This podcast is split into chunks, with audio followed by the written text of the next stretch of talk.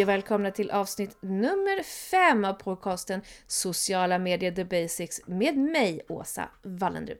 Idag tänkte jag prata om sociala medier eller funktioner i sociala medier som har floppat.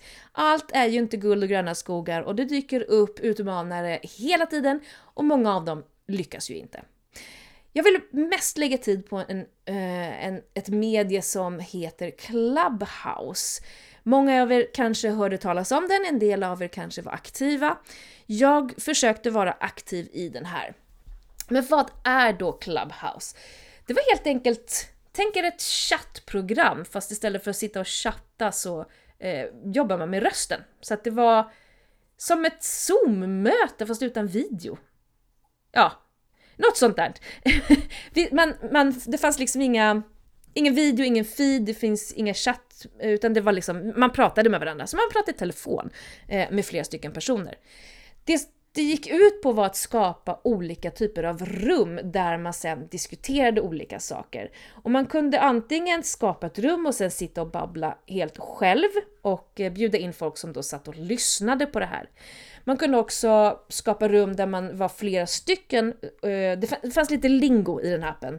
Men om man bjöd upp flera stycken på scen, säger jag med citationstecken, eh, som då hade någon slags diskussion eller debatt och sen så var det massa åhörare som helt enkelt satt och lyssnade med på det här.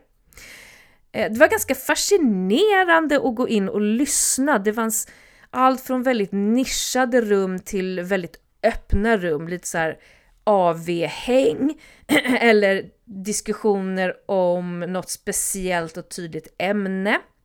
Och det som var intressant var att företag försökte hitta en plats här inne. För att man märkte att den här fick ett sån, en sån enorm skjuts under en tid. Och eh, då vill man ju försöka hitta hur skulle man kunna kapitalisera på det här. Eh, jag minns att det var en bank som startade rum för att prata om privatekonomi, eh, och hjälpa folk att förstå saker, eh, vilket var väldigt, en väldigt intressant take på det. Och jag tror att många företag skulle kunna ha gjort någonting stort här, men, men appen kallnade lite och det tror jag var när pandemin liksom försvann och vi började gå ut igen och träffa folk på riktigt, så tror jag att hela den här rosenskimrande grejen med Clubhouse lite dog ut. Men jag eh, har sett att Clubhouse vill försöka satsa igen. Och det kommer de göra med lite olika uppdateringar av appen. Till exempel att ha så kallade låsta rum där bara inbjudna verkligen får komma in. På så sätt skulle man kunna diskutera kanske lite mer känsligare saker eller ett, att man skapar ett klimat med folk som alla är intresserade av samma sak eller någonting sånt. Eh, så Clubhouse är absolut inte på något sätt en jätteflopp, men den kom, den var jätteintressant och sen så tappade folk intresset. Så att de försöker väl pumpa liv i den här eh, om och om igen. Och jag tror i och för sig att den här appen skulle kunna vara ganska kul. Om man gillar att prata och föra dialog med folk så är det väldigt intressant. Eh, sen så LinkedIn in ville ju haka på den här trenden med stories. Jag har ju pratat mig varm om stories i tidigare avsnitt eh, där jag på Instagram fullkomligen struntar i hela flödet och bara följer stories. Eh, och LinkedIn tänkte väl att det här skulle väl kunna göra någon take på så att de började med det. Och det gick inget bra. det finns ju faktiskt inte kvar längre. Jag tror aldrig att jag varken tittade på eller publicerade en story på LinkedIn för det kändes inte som rätt plats.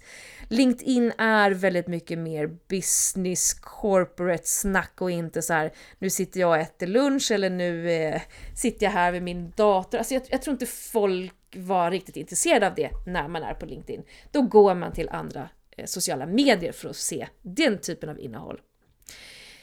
Eh, så det var de två som jag tänkte prata om idag, för jag hinner inte så mycket mer för att mina poddar den här månaden ska inte vara längre än fem minuter. Jag tänkt, jag har redan krossat det, eh, jag vet, men om ni vill att jag ska grotta vidare i något annat socialt medie som har kraschat förloppat misslyckats, så bara höra av er. Om inte annat så hörs vi imorgon igen. Ha det gött!